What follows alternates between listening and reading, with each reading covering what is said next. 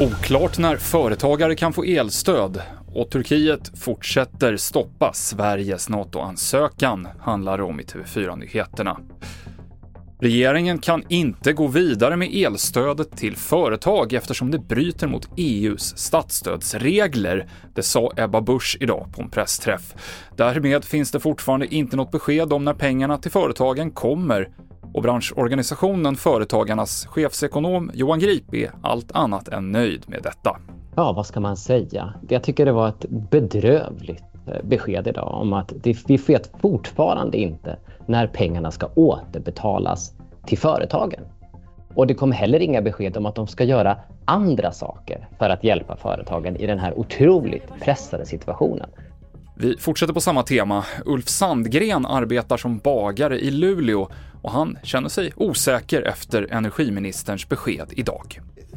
Det är ju svårt för vi, vi har ju högre räntor, vi har ju högre matpriser. Vi är som från alla håll har vi väldigt pressat just nu. Och blir det här väldigt intensivt, eh, att jag fortfarande, om priserna ligger kvar i januari, då vet jag inte om vi är kvar. Jag vet inte om vi orkar kämpa. För vi har en pandemi som tog oss väldigt hårt. Och vi har inte hämtat oss efter det. Fortsätter med NATO-frågan. Utrikesminister Tobias Billström har haft ett möte med sin turkiska kollega i Ankara idag. På en gemensam pressträff efteråt sa de att de är positiva till steg som tagits, men Turkiet fortsätter alltjämt att blockera Sveriges NATO-ansökan.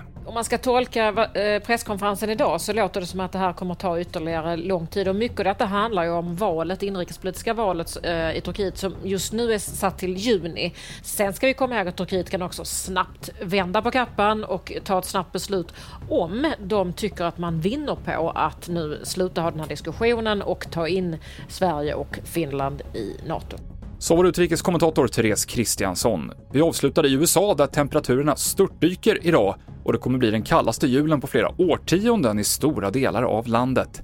En vinterstorm väntas också ge stora snömängder, kraftiga vindar och översvämningar och över tusen flyg har redan ställts in.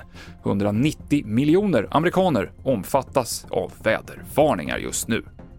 TV4-nyheterna med Mikael Klintevall.